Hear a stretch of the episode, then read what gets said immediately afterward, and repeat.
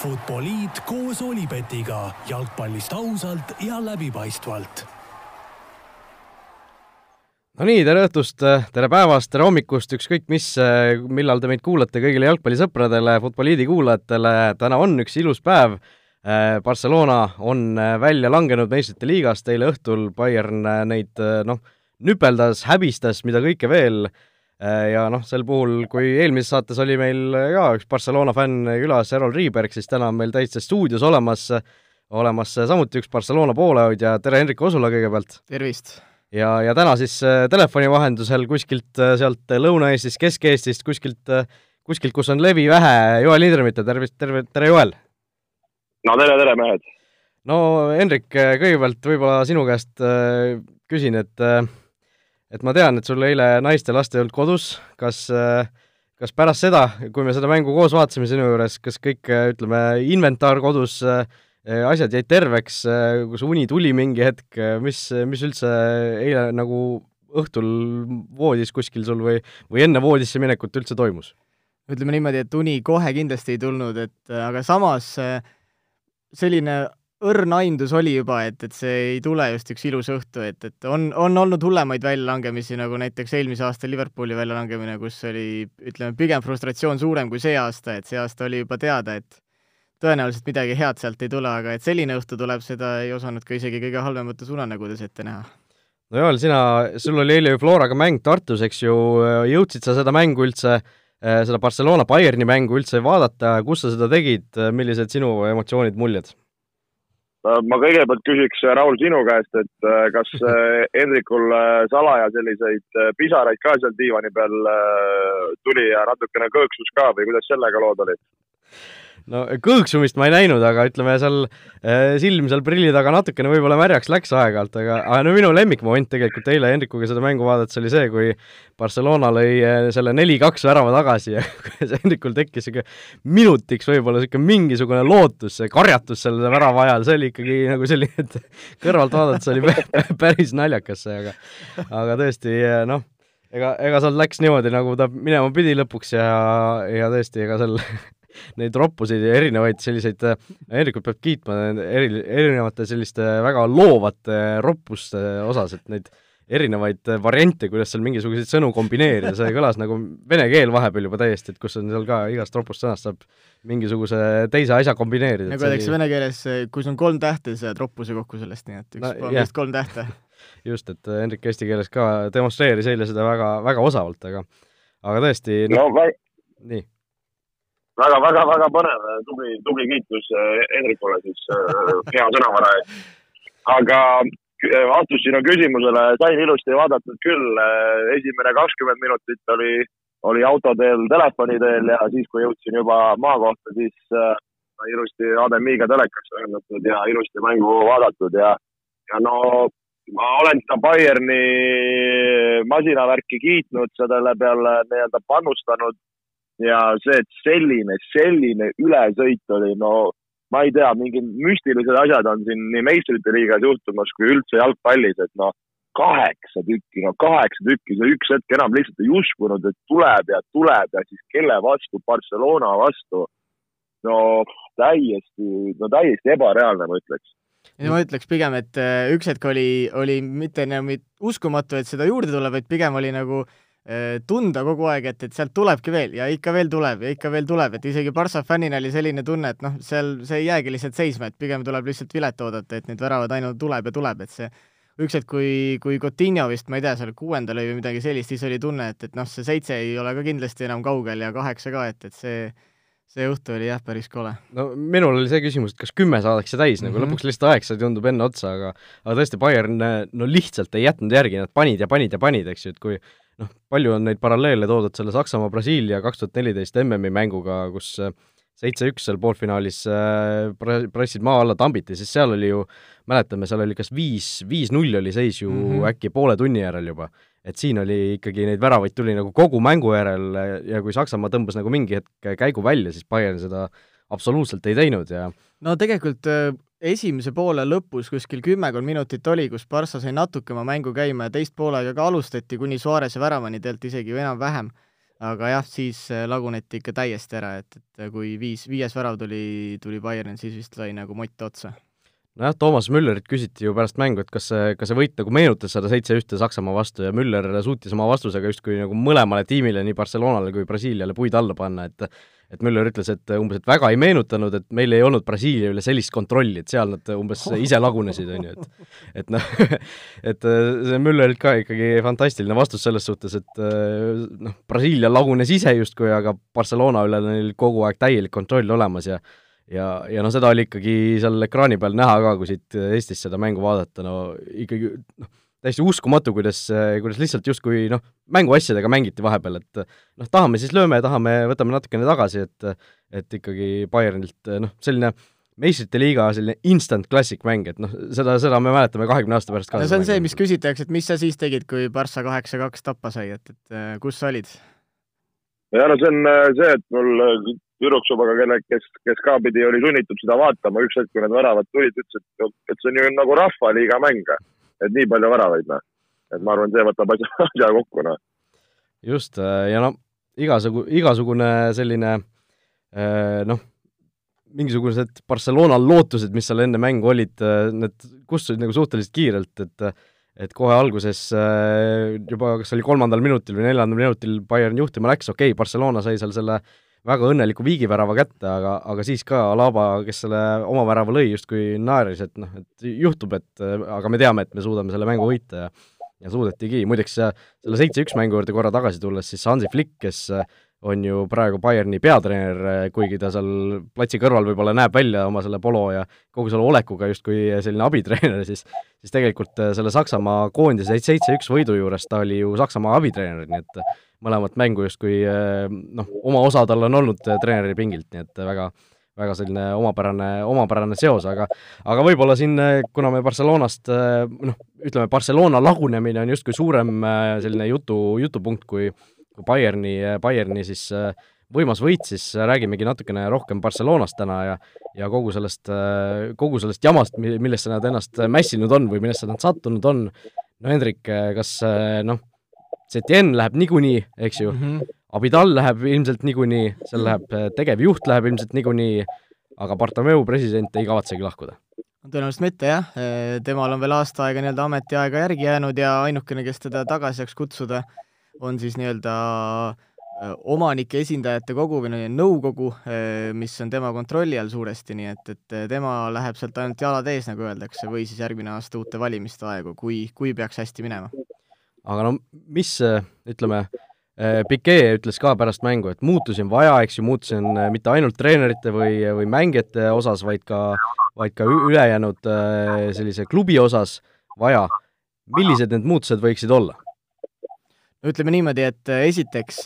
Barcelona on tuntud ikkagi oma noortesüsteemi poolt ja nagu me siin läbi on käinud ka ja meediast ja ja siin enne ka rääkisime, siis viimased tegelikult nii-öelda oma süsteemi kasvandikud, kes äh, nii-öelda tugevalt pead on tõstnud ja kas siis Barcelonas või mõnes teises suures tiimis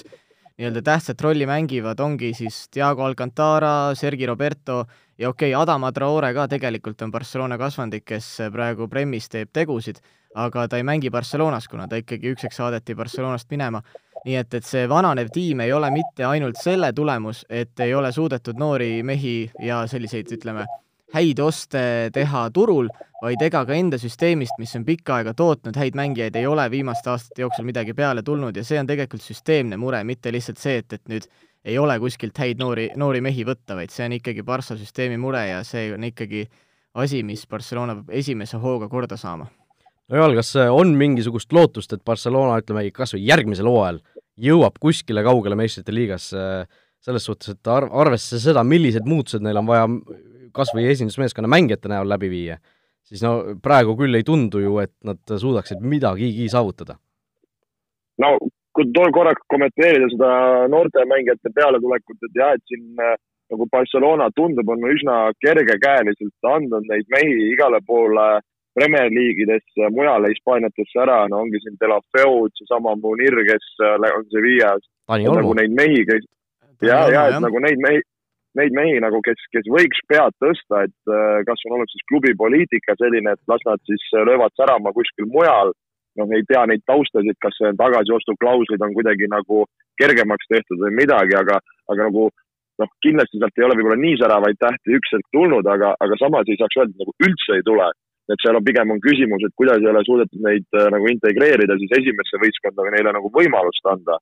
aga kui mõelda, et nagu mis, mis saab edasi, no fuh-fuh-fuh, ma arvan nagu kogu Barcelona seal targad mehed istuvad kokku ja, ja nuputavad samamoodi, et äh, no ma ei näe, no ma ei näe, et siit kuskilt mingi äh, murranguline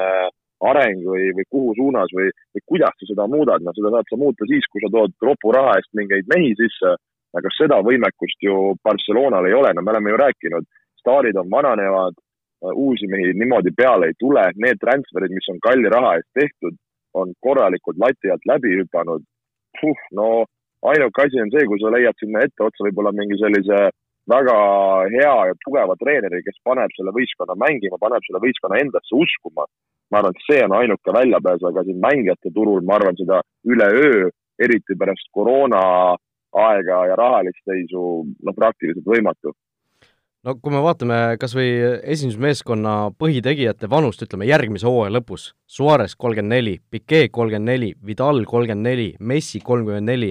Rakitic, no võib-olla Rakiticist äh, saadakse niikuinii see hooaeg lahti, kolmkümmend kolm, Busquets kolmkümmend kolm, Alba kolmkümmend kaks, Kriismann kolmkümmend juba, et äh, noh, Sergei Roberto, kellest siin äh, jutt oli kui viimasest nagu sellisest kõvast La Masia täiendusest, kes on Barcelona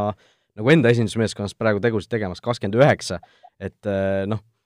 see, see on nii lühikese perspektiivi võistkond, õnneks see läheb natuke nooremaks, Pjanic on kolmkümmend ainult ju. No ütleme niimoodi, et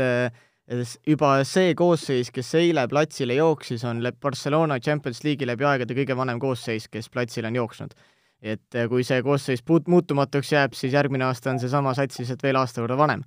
aga no ütleme, natukene on äh, mingeid noori ikkagi ju tulemas, et, et Ricky Puig eh, on, on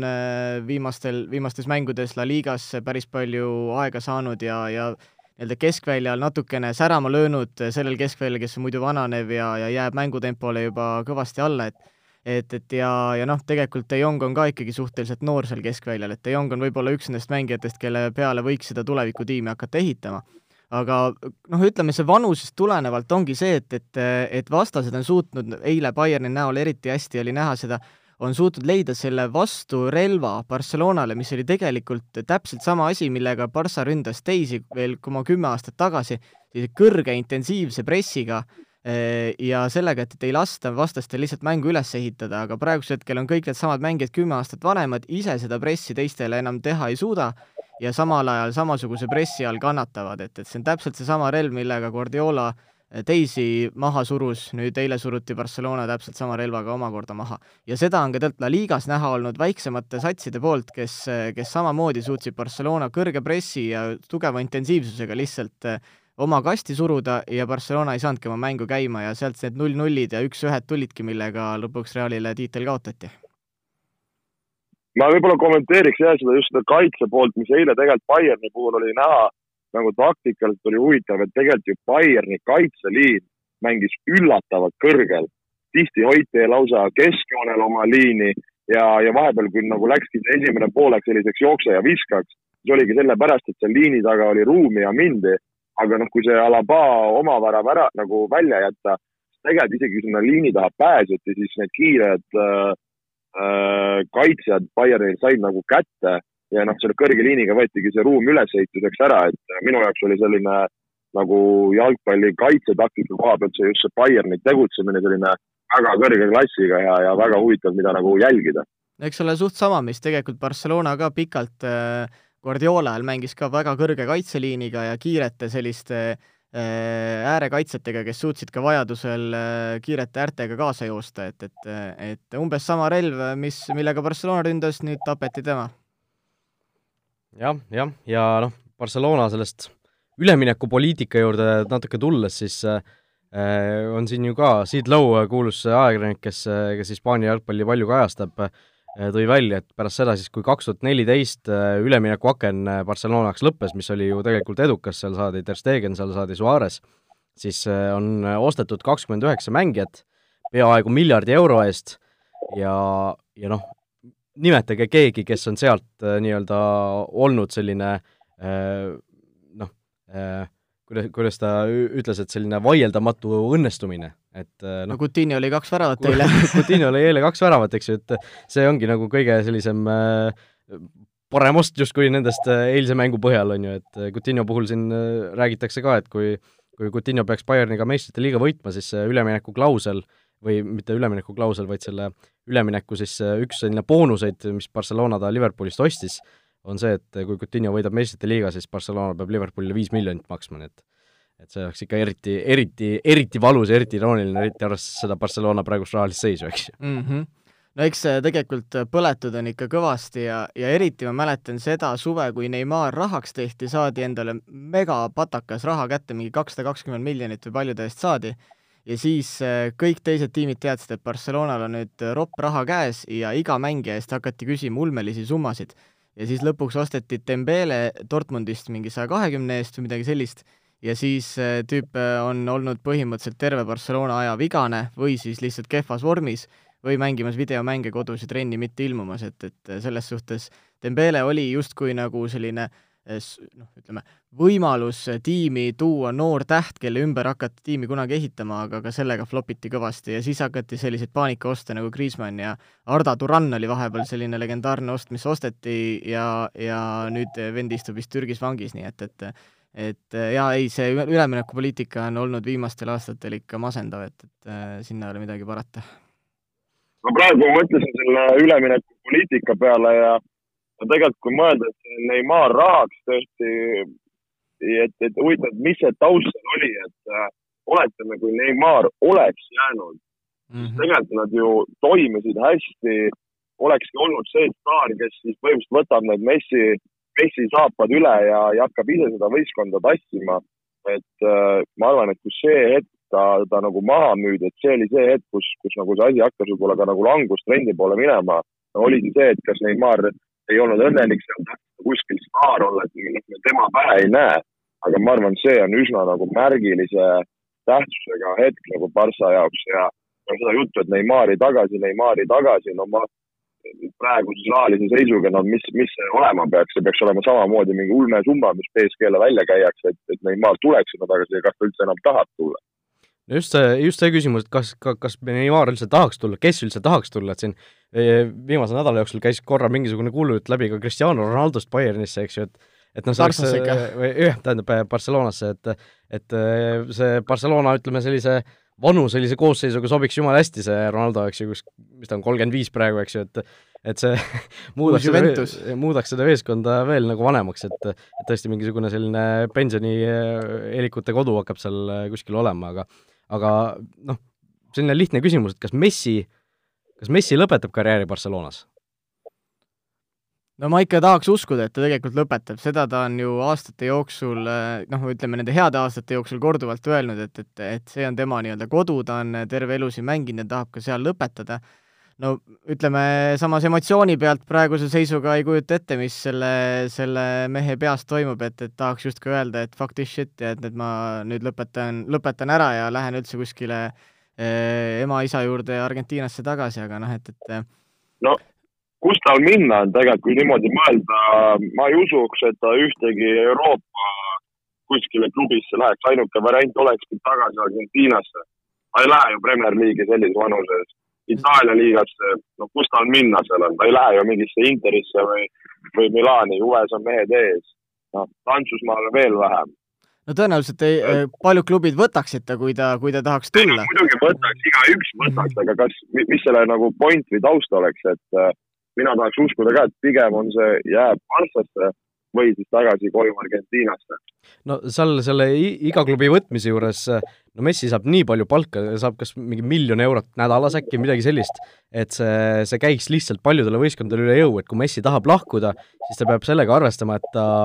äh, annab väga palju oma palgast tagasi ja, ja see on just see, et kui ta ei taha seda anda, siis, siis on, siis ongi ta lihtsalt noh, mitte vangis Barcelonas, ei saa seda vangiks nimetada, eks ju, aga, aga lihtsalt äh, ta on seal kinni selles suhtes, et ta ei saa ei, ei ühele ega teisele poole kuskile minna, et ainus variant ongi tõesti, kui ta läheb kuskile noh, heategevust tegema kuskile Argentiinasse, mida ta on ka ju öelnud, et ta ei taha minna, kuna seal ta perel ei oleks turvaline ja nii edasi. et aga noh, võib-olla pärast seda, seda mängu, seda, seda hooaega, kus kus üha rohkem tundub, et sellest Barcelonast ei saa järgmisel hooajal asja ega, ega ka ülejärgmisel hooajal, siis, siis noh, kui Messi tahab ikkagi meistrite liigas endast jälje maha jätta, tal on praegu vist üks karikas vähem kui Ronaldol, et kui ta tahab seda vist viiendat äkki meistrite liiga tiitlit võita. ei äh,, nii palju vist ei ole jah, viiendat jah, neli on käes jah, jah. et kui ta tahab seda võita, siis, siis noh, Barcelonasse ei ole, ei ole lähiaastatel reaalne lihtsalt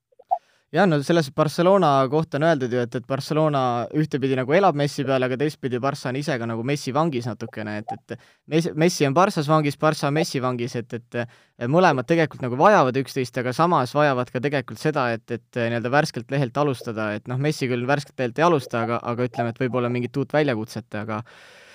keeruline näha, et ta ikkagi ära läheb, äh, Barcelona jaoks on ta nii väärtuslik ja ta on ikkagi talismann äh, fännide jaoks, see, kui ta ära läheks, äh, ma arvan, et Barcelonale ei andestataks seda, et pigem ikkagi tahetakse näha, et Messi lõpetab, lõpetab seal, kui, kui mängiks kuskil Bayernis või City's veel ühe hooaja. jah, no Barcelona viimane karikateta hooaeg aastal kaks tuhat kaheksa, kaks tuhat üheksa või hooajal kaks tuhat kaheksa, kaks tuhat üheksa pärast seda tuli Guardiola ja edasine on juba ajalugu, eks ju, et äh, mingi karikas on iga aasta võidetud, jah. just, et äh,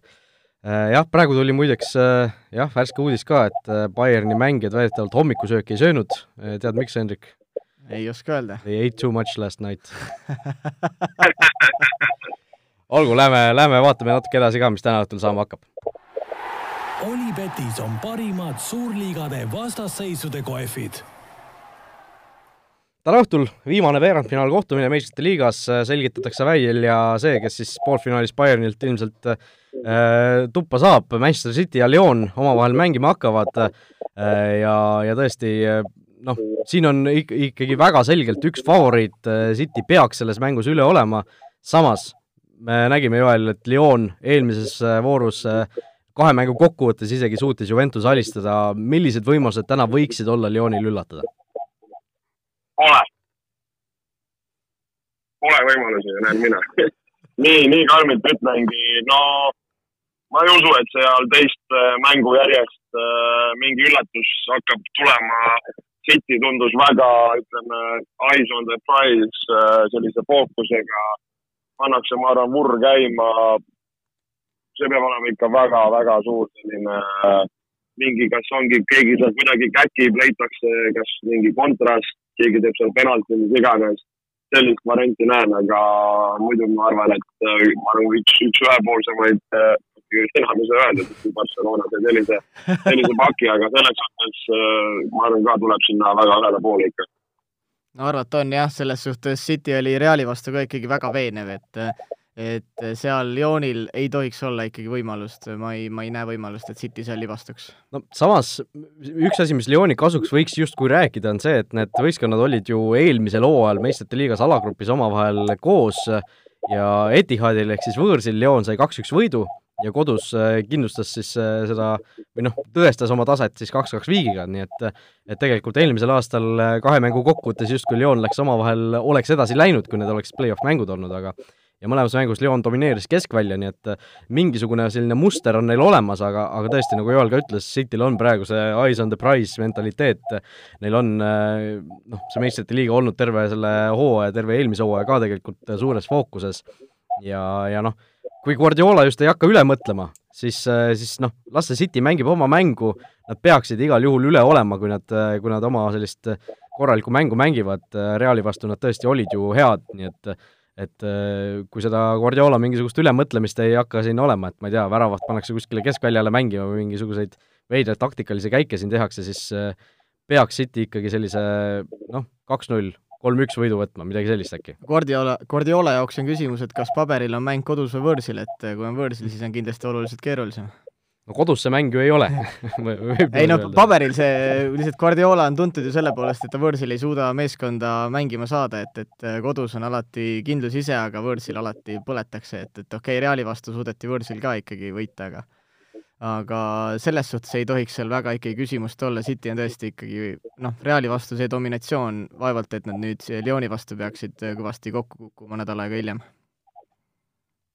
no seal ainuke variant ongi see, et kuna see on üks mäng, Lyon istub rämedas bussis ja sealt otsib äh, kontrat või, või selle kasutab ära, nagu me oleme Premis näinud ka, kus võistkonnad äh, on ikka väga-väga madalal, tuleb see üks kontra ja joppab, et, et see on see šanss, mis Lyonil on, aga muust, muust on vist pigem ei. Just, no mainime ära ka Cityl siis Sergio Aguero vähemalt poolfinaalil ei peaks väljas olema, võib-olla kui edasi poolfinaali pääsetakse, siis, siis ta mingisuguseid minuteid seal mängida saab, aga Jesus, Gabriel Jesus oli Reali vastu päris hea ja ja selles suhtes ma usun, ei, ei ole, ei ole neil äh, suuri probleeme, Benjamin Mendi ka mängukeelu alt vabanenud, äh, suuri murresid muidu ei tohiks Cityl olla, nii et täies löögihoos ja, ja tõesti, see pink on ka nii pikk, et kui seal viis vahetust saab teha, siis neid neid jokkereid, kes sealt äh, mängu muutma tuua, on, on Cityl kõvasti, nii et äh, no kiire ennustus ka siis, äh, Hendrik, mis sinu mängutulemuse ennustus täna on? mina ennustan kolm-null Cityle. No ma ütlen, ma ütlen, ma ütlen kaks-null siis Cityle, kuidas Joel? ma tahaks ka seda kaks-nulli öelda. Ja jään kahe nulli peale. okei okay,, nii et vaatame, mis siis täna õhtul saama hakkab. Äh, aitäh, mehed, äh, aitäh Hendrikule eriti, kes siin äh, suures südamevalus ja hinge piinades stuudiosse ikkagi täna tuli ja ärkas täna ikkagi üles ka ja ja elu on ilus, selles suhtes naudi, naudi sooja ilma ja ja naudi seda, mis siin meistrite liigas edasi saama hakkab, ära Barcelona peale liiga palju mõtle, siis võivad päris kurjad mõtted pähe tulla, et noh, Unitedi fännina ma tean mõnes mõttes, mida sa tunned, aga ma tean ka seda, mida Bayern tunneb, sellepärast et ka United on kaheksa-kaks ühe väga ilusa võidu võtnud, seda küll mõned aastad juba tagasi ja mitte meistrite liigas, aga vaid koduliigas, nii et äh, tervised siit ka kõigile Arsenali poolehoidjatele. aga äh, tänaseks siit sellest, selle saate vaikselt kokku tõmbame äh,, juba homme siis oleme eetris äh, viimase veerandfinaali järgse saatega, kus räägime siis sellest City ja Lyoni mängust, nii et äh, mis seal ikka, mehed, aitäh ja kohtumiseni! Kuulmiseni! olge mõnusad! vutiviikendi parimad kohvid leiad Olipetist